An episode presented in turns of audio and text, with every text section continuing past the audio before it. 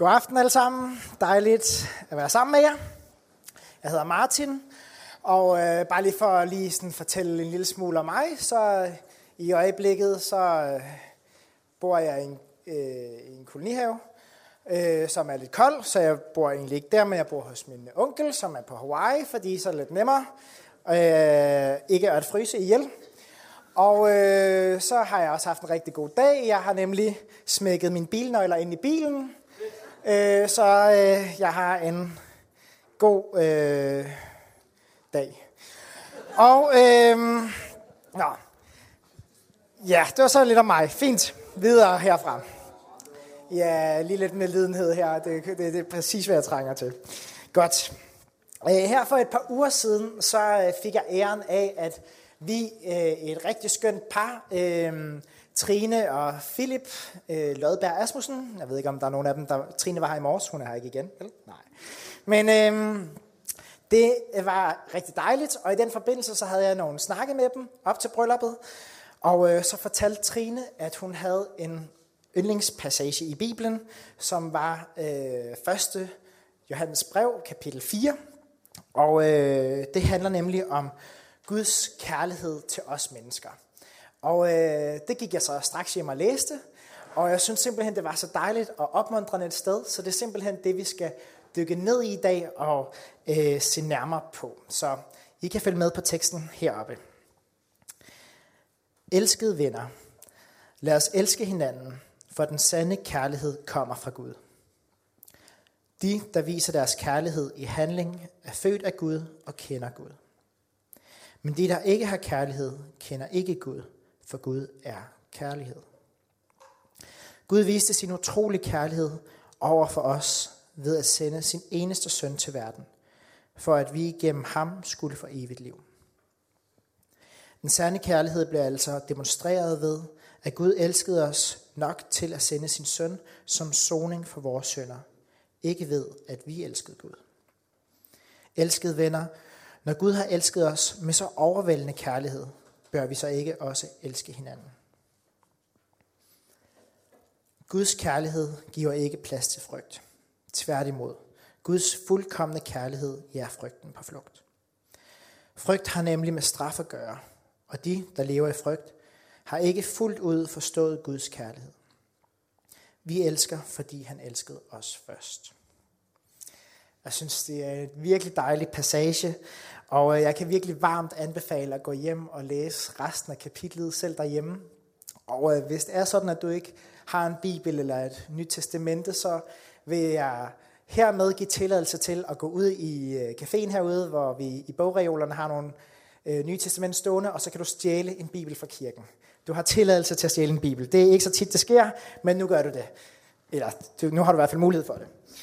Øhm, bare gør det. Og så, øh, ja. Men øh, det vi skal være sammen om i dag, det er, at vi skal se nærmere på, hvem er Gud. Og det er der sådan, som sådan egentlig ikke noget nyt i. Altså det er noget, vi gør rimelig meget, kan man sige, hver uge, øh, fordi det er en af vores yndlingsbeskæftigelser. Som øh, Helen Murphy, som talte sidste søndag, hun sagde, så øh, er vi på en rejse sammen, hvor vi forsøger at udforske, hvem Gud han er, og øh, hvad hans plan med, vores, med os mennesker, hvad den er. Og øh, vi har ikke alle svarene, og det har kristne nogle gange, så synes de, de selv de har alle svarene. Det synes jeg også nogle gange selv, jeg har. Men i virkeligheden, så har vi ikke alle svarene. Men sammen så forsøger vi at prøve at udforske og undersøge og komme nærmere på, hvem er ham her Gud egentlig. Og hvis det her med Gud er nyt for dig, så øh, vil jeg bare invitere dig med på den her rejse. Du kan bare hoppe på toget i dag og være med, og øh, føle dig fri til at udforske troen sammen med os. Ja, teksten, som øh, vi lige har læst, den er skrevet af Johannes, som var en af Jesu disciple. Og øh, det er også ham, der har skrevet Johannes evangeliet, øh, som I måske også kender. Og øh, i det evangelie, der omtaler han sig selv som øh, den disciple, Jesus elskede. Og i mange år, så når jeg har læst det, så har jeg egentlig opfattet det som en lille smule arrogant, at, øh, at han har kaldt sig selv det. Eller måske har jeg tænkt, at havde elsket Jesus, Jesus ham mere end alle de andre. Det synes jeg også var lidt mærkeligt, hvis det var det, han gjorde. Men det tror jeg egentlig ikke, at det, det handler om. Jeg tror i virkeligheden, så vil Johannes bare sige, at han har forstået, at han var elsket af Jesus. Det var det, det handlede om. Han havde erfaret Jesu kærlighed, og øh, det var blevet så vigtig del af hans selvforståelse øh, det også, øh, og hans identitet. Og, øh, og derfor så øh, var det omsaggribende i hele hans liv, og det er også derfor, at det her brev, som øh, vi har, lige har læst, det også handler så meget om kærlighed. Og det er faktisk det, jeg gerne vil hen i dag. Øh, jeg vil gerne stille dig et spørgsmål. Det er, er du den disciple, Jesus elsker? Er du den disciple, Jesus elsker? Har du forstået, og har du erfaret Jesu kærlighed til dig? Er du blevet forvandlet af den kærlighed? I det skriftsted, som vi lige har læst, øh, så kan vi se, at kærligheden er udgangspunktet for at forstå Gud, fordi Gud han er nemlig kærlighed. Og i virkeligheden så kan vi kun forstå Gud, hvis vi har kærlighed i vores liv. Fordi som der står i vers 8, men de, der ikke har kærlighed, kender ikke Gud, for Gud er kærlighed. Så spørgsmålet er, hvad er kærlighed? Og hvordan får vi fat i kærligheden? For tiden så er jeg ret inspireret af sådan en øh, nordirsk filosof, en fyr, der hedder Pete Rollins. Og øh, det jeg skal til at sige, kan godt være, at det bliver måske en lille smule langhåret eller fluffy. Og det kan også godt være, at jeg siger noget, der er teologisk ukorrekt, og så må I skyde mig bagefter. Men, øh, eller det må I ikke, men I må gerne komme og, med en klage. Øh, men øh, han siger, at når vi taler om kærlighed, så kan vi ikke tale om det som et objekt. Altså det, vi kan ikke tale om det som noget, vi kan måle, som noget, vi kan veje. Vi kan ikke ligesom proppe det ned i et regensglas og sådan kigge ned og så se, hvordan ser det der ud. Ikke? Det kan vi ikke. Det er ikke noget, vi kan sanse. Derfor så vil rigtig mange poeter og sangskrivere, det vil sige, at kærlighed, det er faktisk noget, som ikke eksisterer. Derimod er kærligheden på en eller anden måde hævet op over, op over eksistens. Det er den kraft, der får altid at virke, alting til at virke virkeligt, og som kalder alting til eksistens. Et eksempel på det, det kunne være, at vi kan gå op og ned af Gammel Kongevej, og så ser vi en hel masse mennesker, og øh, når vi går der, mm, og vi ser dem, men så ser vi dem i virkeligheden ikke. Det kender I godt, ikke? Altså man, man ser folk, men man ser dem ikke. Og øh, fordi det på en eller anden måde er sådan en grå, sløret menneskemængde. Eller de, folk er ikke grå, men jeg forstår, hvad jeg mener. Og, øh, men det er så sådan, at hvis vi elsker, eller når vi elsker, så ser vi lige pludselig et andet menneske. Og pludselig så ser vi dem i deres subjektivitet. Og kærligheden får dem til at eksistere. Så det er kærligheden, der kalder dem til eksistens. Så man kan altså ikke sige, at kærligheden eksisterer, men alt bliver kaldt til eksistens gennem kærligheden. Og når vi har erfaret kærligheden, så er det faktisk noget af det allermest virkelige, vi overhovedet kan opleve. Det er jo ret vildt. Så kærligheden, den er faktisk ikke meningsfyldt, men den giver mening til alt omkring sig. Og øhm, et eksempel på det kunne være, at jeg kunne stå heroppe for eksempel og tale om tro og livet og verden og hvordan virkelig tro på, at vi er på vej et sted hen. Men hvis jeg ikke har kærlighed i mit liv, så vil det ikke, øh, så vil livet og verden forekomme meningsløs, hvis jeg ikke havde kærlighed i mit liv. På samme tid, så kan man også sige, at hvis man øh, taler med en, som synes alt det der med kirke og det, de står og bræger herindom, er nonsens. Øh, det er okay, hvis man tænker det. Øh, men hvis man så har kærlighed, så kan livet og verden ikke undgås og opfattes som meningsfuld. meningsfuld. Ja. Så hvis man objektiviserer kærligheden, pointen er, at så bliver den lidt ligesom, hvis man gør den til et objekt, så bliver det lidt ligesom sådan en, øh, kærlighedsroman fra ude og hjemme, ikke? Det er ikke særlig fantastisk. Kærligheden må altså ikke reduceres til sådan en cheesy øh, skodroman. Nej, det må den ikke. Så hvis vi skal erfare kærligheden, så kan vi altså ikke gå objektivt til værks. Det er altså noget, vi bliver nødt til at give os selv hen til. Det er noget, vi bliver nødt til at opleve, og vi bliver faktisk også nødt til at sætte os selv på spil for at opleve kærligheden. Og lidt på samme måde kan man tale om Gud. Eller ikke tale om Gud, faktisk. Fordi vi kan ikke tale om Gud som et objekt. Han er heller ikke noget, som vi kan måle og veje. Og vores sprog vil aldrig nogensinde være fyldeskørende, øh, når vi taler om Gud. Når vi siger noget om Gud, når vi siger for eksempel, at Gud han er fred, så bliver vi i sammensætning nødt til at sige, at Gud er ikke fred, fordi at vores forståelse af fred er så begrænset. Det er ikke nok i sig selv at, øh, at komme med det eksempel, eller vi, Gud er meget større end vores fredsforståelse. Vores begreber og vores forstand kan ikke rumme Gud. Gud er altid større. Og det kan, et eksempel på det kunne være, at vi for eksempel er inde i en stor biograf, og vi ser en film, men vi står øh, helt op ved lærredet, kun 1 cm fra lærredet. Og vi får overhovedet ikke det fulde billede. Gud eksisterer ikke i vores menneskelige forståelse af eksistens. Han er hævet over eksistens. Og øh, sådan en øh, tysk-amerikansk øh, teolog fra 50'erne, Paul Tillich, han har øh, skrevet et lidt kontroversielt citat, men jeg har valgt at tage det med. Og der står sådan her, og jeg prøver at oversætte det, så oversættelsen kan godt være, at den ikke er helt rigtig, men vi satser. Det er lige så autent, eller den danske, som jeg ikke ved er rigtig, men så kan jeg læse den engelske. Nå, okay, det jeg prøver at sige der, at det er lige så ateistisk at bekræfte Guds eksistens, som det er at benægte den. Gud er Guds eller verdens grund, ikke en væren. Ja, det er lidt kontroversielt, og jeg lader den bare lige stå lidt, så kan man gå og tænke lidt over det. Øhm, men forstår du Gud som et objekt? Altså Gud som sådan en eller anden supervæsen, der bare er større end dig selv? Altså en being, eller en væren?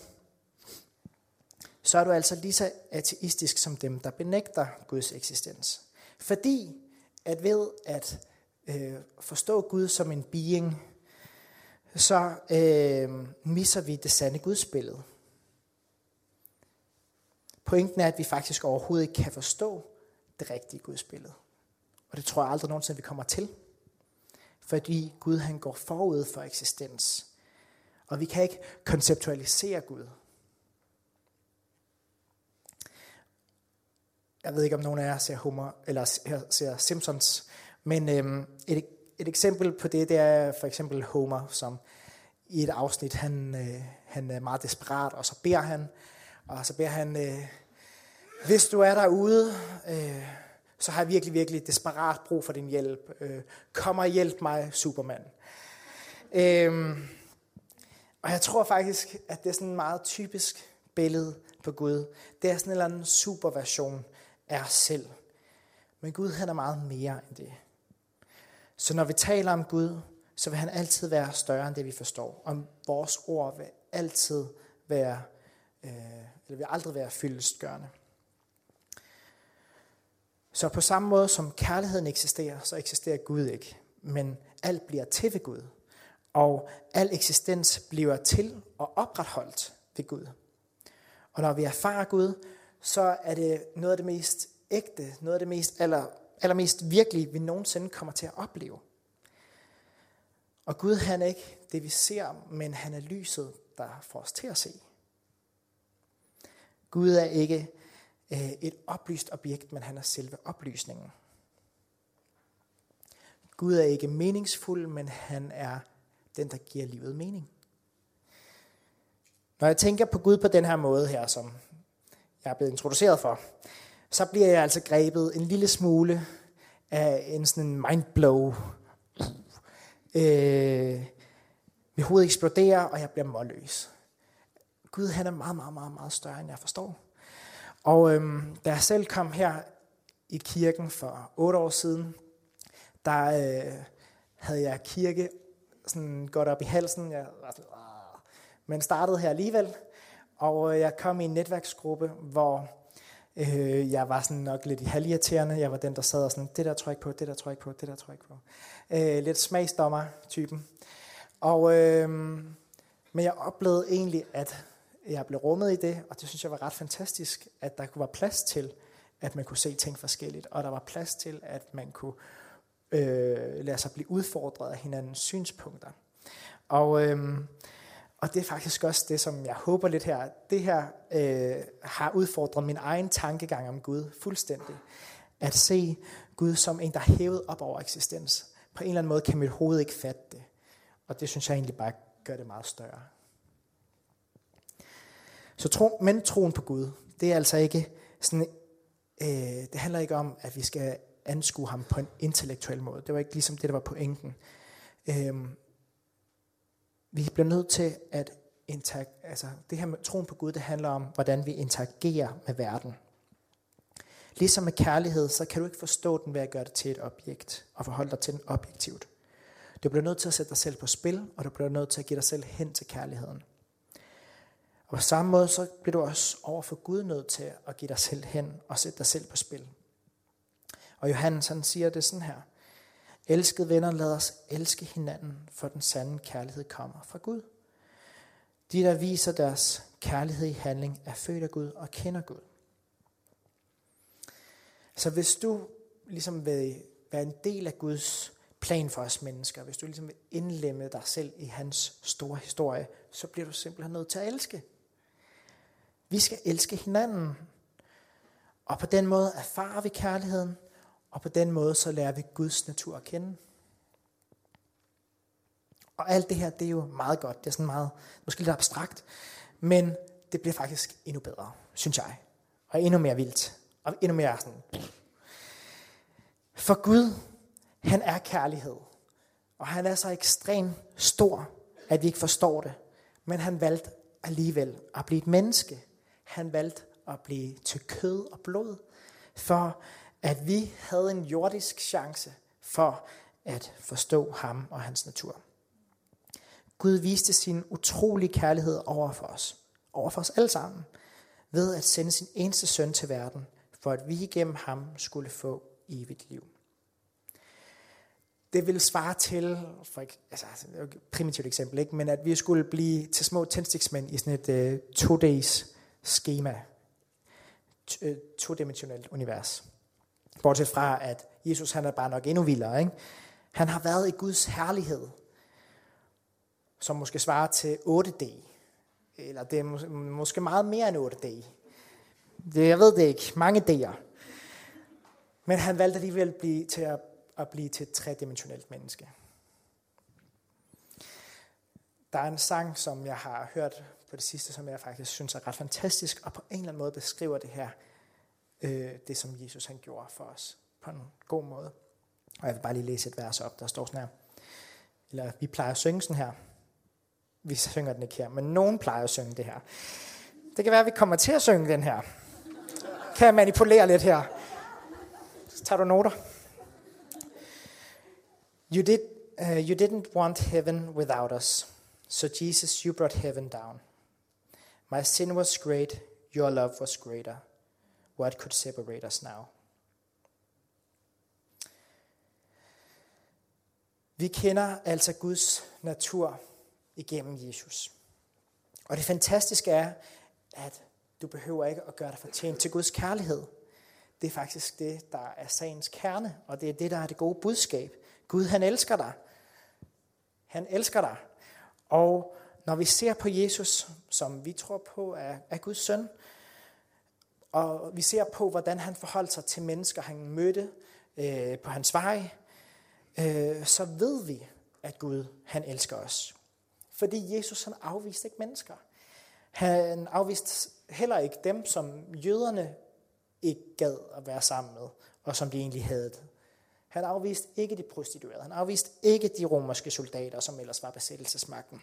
Han afviste ikke de spedalske, som ellers var nogen, som man blev nødt til at udstøde for, af frygt for smittefare. Han afviste ikke røveren ved korset. Han mødte dem alle sammen med kærlighed. Så når vi læser om Jesus, så forstår vi Guds kærlighed til os. Han afviser os ikke. Han afskyer os ikke. Han ønsker en relation med os. Intet mindre.